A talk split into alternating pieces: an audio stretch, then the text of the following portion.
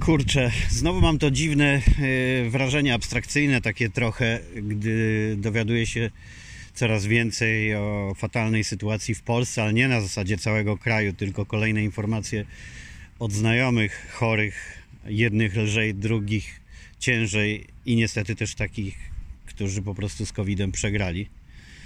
Mówiąc eufemistycznie, żeby unikać słów mocno dołujących w tym podcaście. Spotkaliśmy się teraz, czekając na zachód słońca, e, z naszą koleżanką Martą, e, która mieszka tutaj, tak na stałe bardziej, nie, nie tak jak my śmigając, e, Polska, Hiszpania. No i ona też zrezygnowała z wyjazdu na święta do Polski, ponieważ praktycznie cała rodzina i większość znajomych chorzy, no i to nie, nie zachęca, jak się dołoży do tego jeszcze beznadziejną pogodę, to nawet przy chęci spotkania z rodziną gdy uwzględnia się ryzyko zachorowania, e, no to się odechciewa.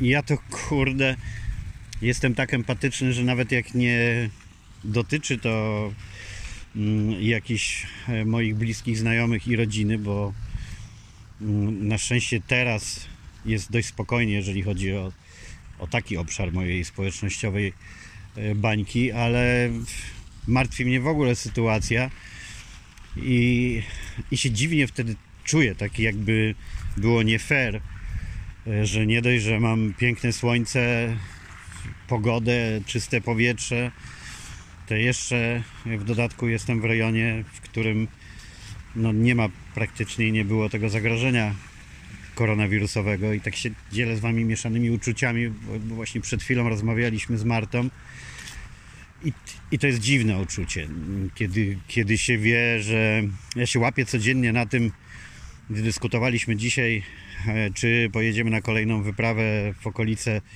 Walencji, czy też Marta się zaczęła martwić, że plany wyskoczenia do Maroka w okresie świątecznym mogą się nie udać, bo granica z Marokiem ta lądowa, znaczy lądowa, morska, oceaniczna raczej wciąż zamknięta. Promy nie pływają, można tylko samolotem latać.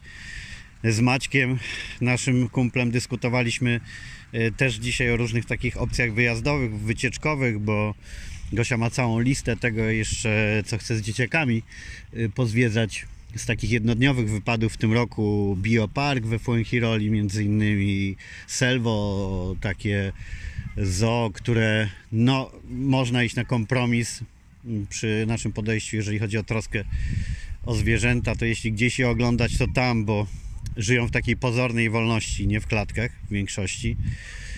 E, zobaczymy jak dzieciaki, bo e, gdy poszliśmy raz tutaj do pięknego delfinarium, czego żałujemy, to Nadia mając już 3 latka powiedziała, że nie chce tego oglądać, bo jej smutno, że e, delfiny nie są na wolności.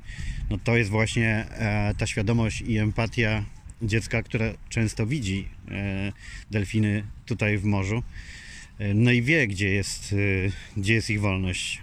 Zdaje sobie sprawę z tego, że, że taki, takie oceanarium to nie jest ich wymarzone miejsce, tylko, tylko więzienie. No i jak było ustalanie tych wyjazdów, wycieczek, to w którymś momencie ja mówię, kurde, aż mi głupio, jakie mamy problemy, bo się zaczęła kłótnia, czy czy jechać e, tego dnia do bioparku, czy pojechać w góry, zobaczyć takie jeziora w nich ulokowane. I ja mówię, jakie my mamy problemy, a ludzie y, i wielu naszych znajomych naprawdę się borykają nie dość, że z tą jesienno-zimową depresją, to jeszcze, to jeszcze z zaskakująco zaraźliwym tym koronawirusem bo taki jakby teraz jest y, taki kolejny etap, y, w którym łapią ludzi mm, do tej pory wydawałoby się odpornych i takich e, wyluzowanych pod tym względem, choć pilnujących się, zaszczepionych, ale jednak z takim podejściem, że wydawało się, że ich to akurat nie dotknie. No i coraz więcej informacji jest, że no nie ma już osób, y, które mogą się czuć 100% pewne do tego rozmowa z moją przyjaciółką, e, która tak nas bardzo mocno mm, sprowadziła na ziemię z tego lewitowania tutaj naszego z ciągłymi marzeniami w głowie. E, otóż ona napisała do swojej fryzjerki, która od paru lat się nią opiekowała, czy może się umówić na wizytę w tym tygodniu? Odpowiedź nie przychodziła, zwykle od razu była SMS-em postanowiła zadzwonić do zakładu fryzjerskiego w Opolu i dowiedziała się, że dziewczyna zmarła na koronawirusa praktycznie w ciągu doby w szpitalu. Młoda, bez y, y, tych chorób, to już się u, ten zwrot się przyjął, choroby współistniejące, cokolwiek by to miało znaczyć. Yy, No i kurde, jak się słyszy takie rzeczy, to, to z jednej strony e, można by się cieszyć, że jesteśmy od tego daleko, e, no ale ja tak nie potrafię i muszę się jakoś odcinać od tych informacji, bo, bo po prostu martwię się tymi, którzy, którzy są w gorszej sytuacji. Jednocześnie mówię sobie trochę, że zbieramy punkty za naszą odwagę, nazywając rzeczy po imieniu, bo nie dość, że w, bardzo trudnej sytuacji z małymi dziećmi na rękach po raz pierwszy zdecydowaliśmy się tutaj wyjechać, ani nie było kolorowo finansowo.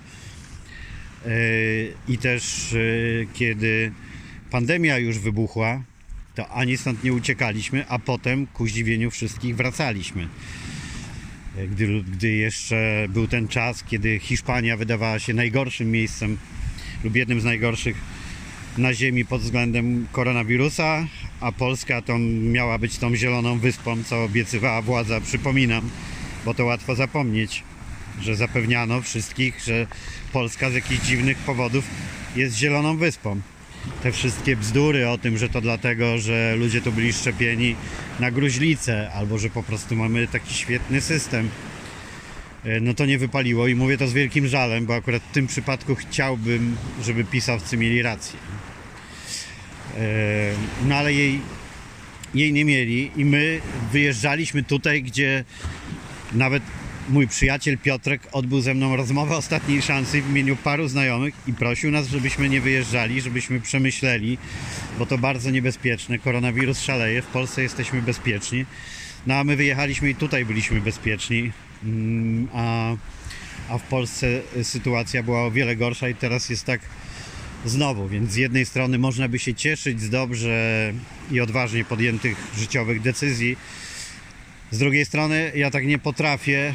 E, Może to źle, może to dobrze, bo jednak wolę być empatyczny i przeważa u mnie jednak to przejmowanie się e, i bliskimi nie tylko, i w ogóle ludźmi w Polsce i sytuacją w Polsce i odbiera mi to taką możliwość cieszenia się w pełni tym, jak jest tutaj i palec drży mi czasem, e, kiedy mam wrzucać instastory jakieś stąd pokazujące e, rajskie widoczki, e, piękną pogodę, wychillowanych ludzi. No ale potem mówię sobie, że ostatecznie to nie jest tak, jak w wielu przypadkach, gdzie ludzie wyjeżdżają na parę dni na wakacje i zasypują media społecznościowe takimi obrazkami po to, żeby pokazać, że mają lepiej od innych. No tylko my tu po prostu żyjemy i się dzielimy e, tym, jak jest. Dlatego nie zaprzestaję wrzucania fotek czy zdjęć, ale wahania pozostają. Im gorzej w Polsce, tym większa u mnie refleksja, czy mogę się tak dzielić tym, jak jest tutaj. Eee, No i to, to widzicie. Maruda, taki jak ja, czasami znajdzie sobie za- zawsze powód, żeby, żeby e, troszkę się e, pomartwić. Ale w związku z tą sytuacją już widzę, że mm, sezon e, świąteczny e, będzie dziwny, kolejny. Znaczy dziwny, zależy jak to spojrzeć. Bo zdecydowanie więcej przyjeżdża rodzin naszych znajomych tutaj na święta, niż tak jak wcześniej było odwrotnie, że jednak stęsknieni za rodziną i tradycyjnymi polskimi świętami y, Polacy y, latali do Polski. Więc się trochę to pozmieniało. Nawet widać po cenach biletów, które bardzo wzrosły w tym okresie, jeszcze bardziej niż zwykle lotniczych, że rzeczywiście sporo osób na święta wybiera się tutaj.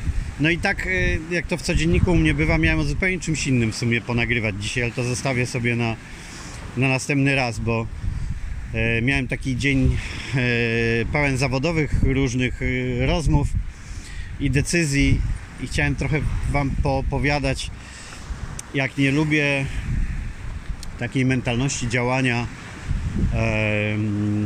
w Polsce pod dyktando słowa załatwić, którego już to parę razy mówiłem. W języku angielskim nie ma w ogóle takiego słowa. A w Polsce to załatwiactwo, to, że nikt nie może się przyznać, że po prostu e, chce kogoś do współpracy, bo jest profesjonalistą, tylko musi powiedzieć załatwiłem ci, załatwiłam, inni chcieli, albo załatw sobie, albo coś tam. Kurde, kiedy tu ludzie zaczną szanować wzajemnie swój profesjonalizm i nie będzie jeden drugiego przekonywał, że robi mu łaskę zlecając jakąś robotę. Kiedy po prostu doczekamy się tego, żeby ludzie sobie mówili chcę, żebyś ty to zrobił, bo jesteś najlepszy czy najlepsza. Ja tak bardzo często mówię współpracownikom. A u nas nie. Większość musi iść w ten tryb, no wiesz, inni chcieli, ale załatwię tobie. Albo oprócz y, takiej argumentacji chcą najlepiej dostać jeszcze tak zwaną działkę od tego, że komuś coś zlecą. No tak to u nas funkcjonuje.